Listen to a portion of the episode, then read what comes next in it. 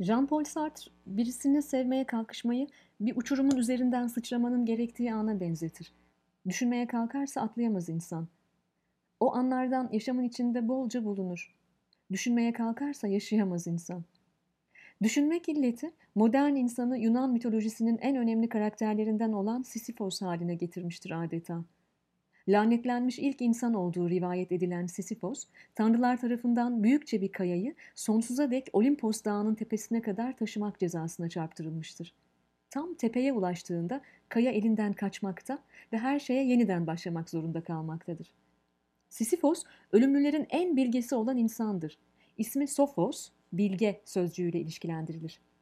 Onu Wecker gibi bilgenin peşinde koşan, boşa çaba harcayan bir insan olarak yorumlayan alimler de vardır. Albert Camus gibi tepelere doğru tek başına didinen, yüreği dolu, mutlu bir kahraman olarak tanımlayanlar da. Düşünmek kimi zaman Sisyphos'un laneti gibidir. Ölümlülerin en bilgesi olan insana sunulmuş bu kaya sürekli aşağı yuvarlanır ve insan her an onu yukarı taşımaya çalışır. Oysa üzerinde çok düşünülmemesi gereken şeyler vardır.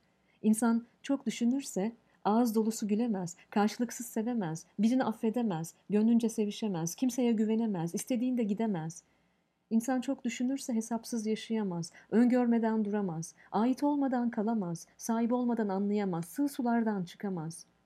Sisifoslar bir kayayı bir ömür yukarı yuvarlamaya çalışa dursun, denizin üstünde sırt üstü yatar gibi kendini hayata bırakanlar için üzerinde çok düşünülmemesi gereken şeyler vardır. Suyun kaldırma kuvvetine inandıkları gibi inanırlar yaşama. Onlar zihin yönergesiyle değil, yürek titremesiyle var olanlardır. Onlar hayatı iliğine kemiğine buyur edenler ama vasata, dayatılana, statü kaygısına, planlı tekrarlara baş kaldıranlardır. Hayat üzerinde çok düşünülmemesi gereken bir şeydir. Düşünmeye kalkarsa yaşayamaz insan.''